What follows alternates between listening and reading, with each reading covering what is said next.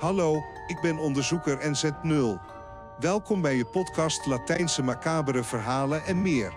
Vergeet niet om de waarschuwing in de beschrijving te lezen voordat u gaat luisteren. Als u nieuw bent, pauzeer, lees en ga verder. Nodig ik u uit om ons te volgen op YouTube. Bedankt dat je ons volgt, commentaar geeft en ons leuk vindt, hier YouTube. Luister en visualiseer het volgende in gedachten. Anonieme bovennatuurlijke ervaringen.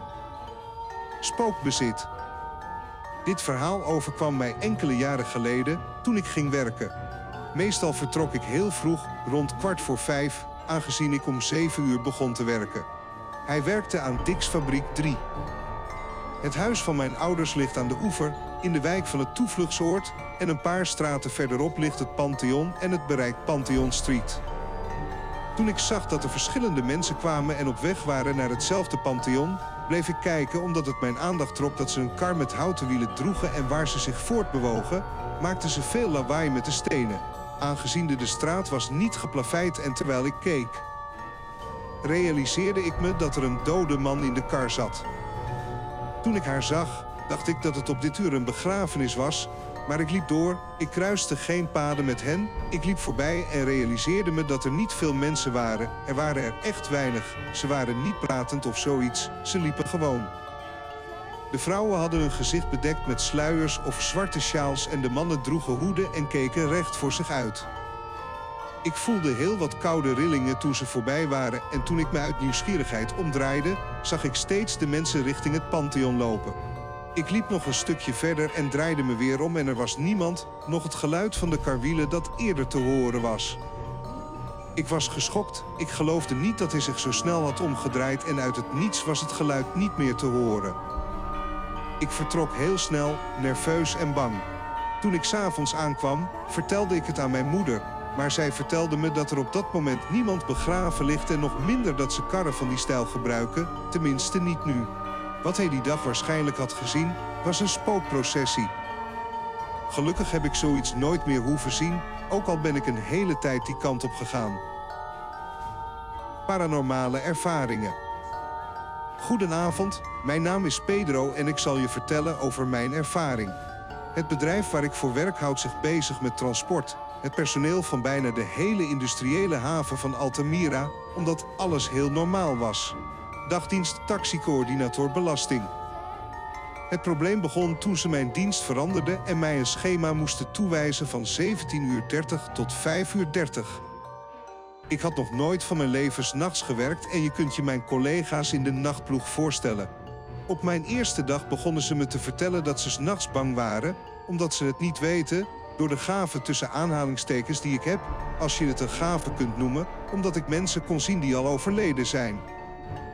Hoe dan ook, de nacht komt er rond twee uur kalmeert de transportdienst en kun je even slapen.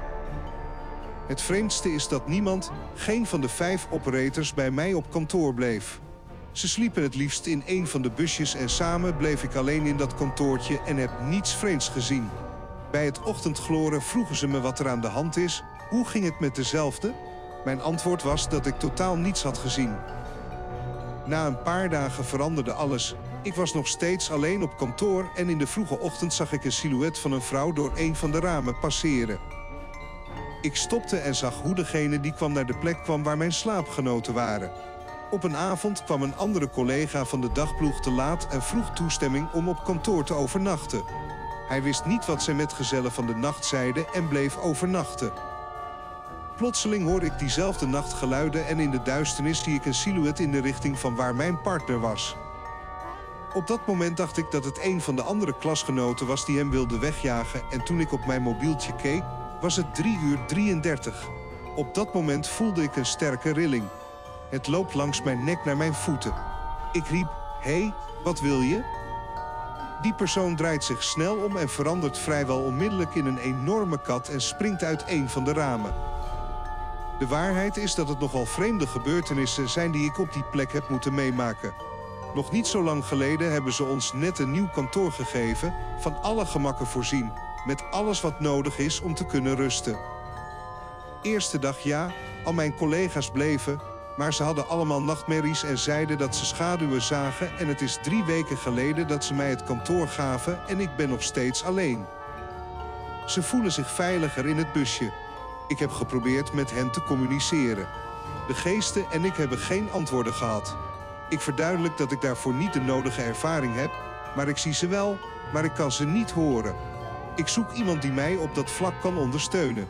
Een andere, actuelere ervaring was wat mij zaterdag overkwam. Deze maand ging ik op bezoek bij mijn moeder, die onlangs een operatie heeft ondergaan en voor een van mijn zussen zorgt, door mij uit te nodigen voor een kopje koffie. Nou, het is de eetkamer en het zou een verrassing zijn om de schoonvader van mijn zus van een slaapkamer naar de badkamer te zien gaan. Mijn geest werkte met een snelheid van anderhalve kilometer per uur. Ik belde hem en begroette hem hardop, maar ik herinnerde me dat de schoonvader van mijn broer anderhalf jaar geleden was overleden en dat ik niet één keer, maar twee keer heb gezien hem voorbij. Het is de badkamer. Hij glimlachte naar mij en hief zijn handen ter begroeting. Dit is misschien geen eng verhaal, maar het is wat ik je wil vertellen. Ze kunnen zoeken en zoeken naar gevallen van geesten, geesten, boeren, duivelse entiteiten. Maar één ding is mij duidelijk: we kunnen ze niet allemaal zien.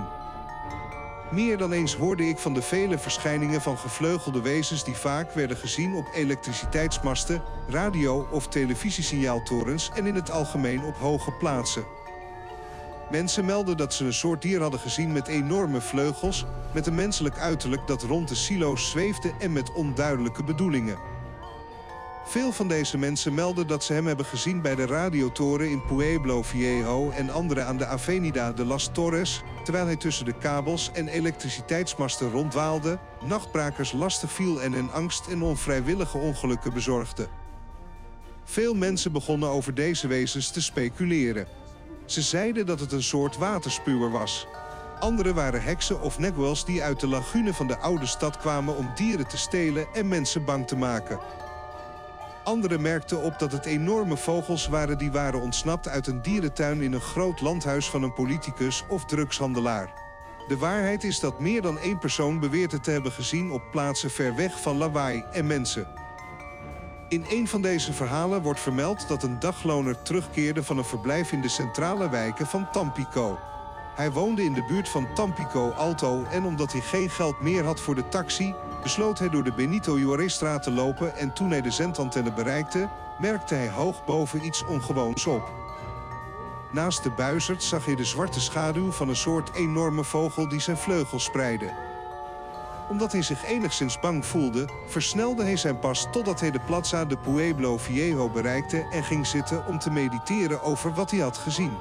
De dronken toestand was voorbij en hij dacht nu helder na. Hij besloot door te gaan. Hij stak het militaire veld over en toen hij een enorme boom bereikte die vlak bij de begraafplaats stond, zag hij opnieuw de schaduw van de vogel door de lucht vliegen. Maar hij leefde met angst omdat het lichaam niet dat van een gewone vogel was, maar iets menselijks. De lange benen en gevleugelde armen van de man lieten hem over de weg rennen tot hij een gat bereikte. Hij besloot niet die kant op te gaan en liep de hele weg af totdat hij het militaire detachement bereikte, waar hij, bang, de soldaten vertelde wat er was gebeurd, zonder de woorden te geloven en zijn vreemde visioenen toe te schrijven aan de effecten van alcohol of een andere druk. Na die nacht hebben mensen die in de buurt van de kloof wonen echter gezegd dat ze s'nachts vreemde kreten van een onbekende vogel horen en het klapperen van grote vleugels die door de nachtelijke hemel vliegen. Zou jij s'nachts naar die plek durven gaan? Bedorven geur. In het huis van mijn moeder was een logeerkamer die nooit werd gebruikt. Thee werd sinds de bouw over het algemeen bij een wijnmakerij gebruikt. Ongeveer tien jaar geleden begonnen we een uiterst vreemde rotte geur te ruiken. Het is als rot vlees of rotte vis. Ik heb het nog niet kunnen achterhalen, maar ik herinner het me nog perfect. Het is een indringende geur, die geur maakte ons gek. We hebben er naar gezocht, maar zonder enige bron van succes. Het ergste gebeurde later. De deur van die kamer gaf toegang tot de studeerkamer waar we schoolwerk deden. Deze deur stond altijd open en door een slechte regeling. Misschien ging het altijd open toen we het sloten en daarom bleef het altijd zo. Toen we in de studio waren, konden we niet anders dan het gevoel hebben dat iemand vanuit de duisternis van de kamer naar je keek. Dit gevoel heb ik vrijwel altijd gehad. Ik heb ooit een vriend uitgenodigd die opschepte over het voelen van dit soort dingen. We gingen naar de studeerkamer en gebruikten de computer toen hij plotseling, zonder dat ik hem iets vertelde, discreet naar de kamer begon te kijken. Het werd steeds duidelijker. Hij bleef zich omdraaien totdat ik hem vroeg: Heb je het gevoeld? En hij vertelt me dat ja, dat iemand naar hem keek en dat hij niet erg vriendelijk was. Ik heb ooit in die kamer geslapen en toen ik s'nachts probeerde te slapen, hoorde ik de echo van mijn ademhaling.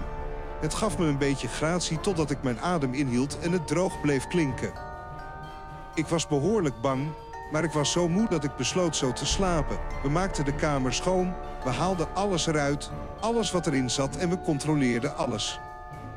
We hebben de kamer opnieuw geschilderd en toch bleef de geur hangen. We konden geen enkele bron van genoemde geur vinden. Enige tijd later kwam er een heks het huis controleren. We vertelden hem niet dat het de kamer was waar dit fenomeen zich had voorgedaan. Zij was echter degene die voelde dat er inderdaad iets in de kamer was. Er werd een seance gehouden en blijkbaar waren er twee entiteiten. Iets heel ergs en de andere, waarvan we aannamen, was een tante die al lang geleden overleden was en die voor ons zorgde. De heks voerde enkele rituelen uit en maakte de kamer schoon. Hij vroeg ons een priester mee te nemen om het huis te zegenen en dat hebben we gedaan. Hierna verdween de geur volledig en hadden we niet meer het gevoel dat ze ons niet meer in de gaten hielden en dat gevoel veranderde in een hele grote rust. Mijn moeder maakte van die kamer later een religieus toevluchtsoord. Tot nu toe is dit verhaal verleden tijd gebleven, maar ik deel het met jullie. Volg ons, abonneer je en deel op YouTube. Dit helpt mij verder met dit project. Geef je mening. In de beschrijving vind je de e-mails om je verhalen te versturen voor het geval je ze graag wilt delen. Ik waardeer uw voorkeur. Tot de volgende aflevering. Macabere Latijnse verhalen en meer.